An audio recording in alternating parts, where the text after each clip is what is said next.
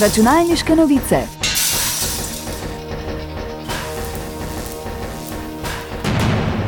Prisluhnite novostim in zanimivostim z področja računalništva. Pozdravljeni.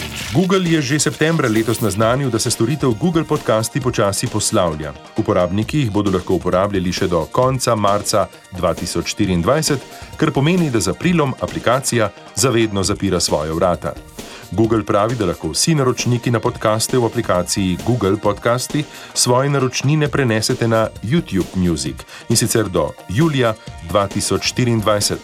Tukaj lahko, tako kot glasbo, podkaste poslušamo v zvočni ali video obliki, online in offline. Računalniške novice. Sony je v sodelovanju s strokovnjaki za dostopnost izdal krmilnik za PlayStation 5 za igralce s posebnimi potrebami. Access Controller je zelo prilagodljiv komplet različnih gumbov, sprožilcev in paličic, ki igralcem omogoča, da si ustvarijo nastavitve, ki ustrezajo njihovim potrebam. To je prva tovrstna naprava, ki jo je Sony zasnoval posebej za PlayStation 5. Toda oblikovanje izdelkov za dostopnost je obsežna naloga, saj je okvara vsake invalidne osebe edinstvena, tehnologija iger pa se nenehno razvija.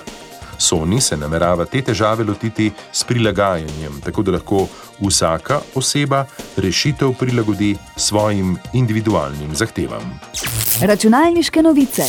Linux dobiva svojo različico modrega zaslona smrti.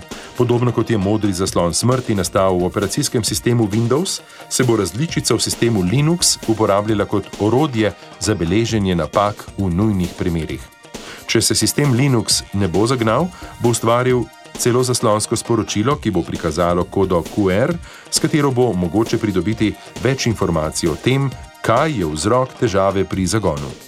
Funkcija je še vedno eksperimentalna in na seznamu sprememb na GitHubu je zapisano, da se lahko še spremeni, vendar je sistem osrednji del večine distribucij Linuxa, vključno z Ubuntujem, Fedoro, Debianom in Red Hatom.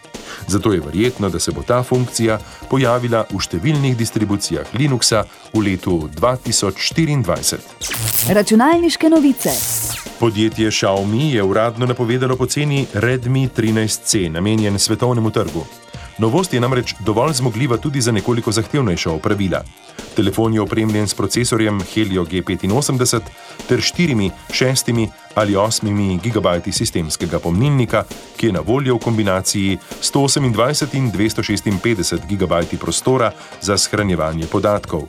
Poleg tega bo imel Redmi 13C 90 Hz zaslon, kar pomeni gladko vizualno izkušnjo pod pogojem, da bo povprečen procesor uspel zagotoviti dovolj zmogljivosti.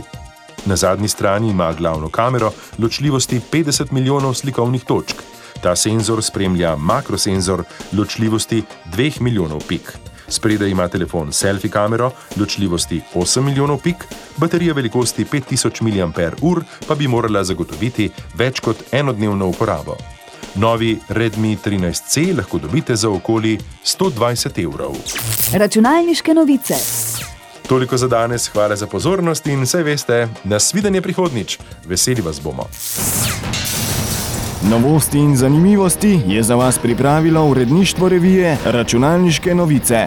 Prisluhnete nam lahko ponovno naslednji teden ob istem času.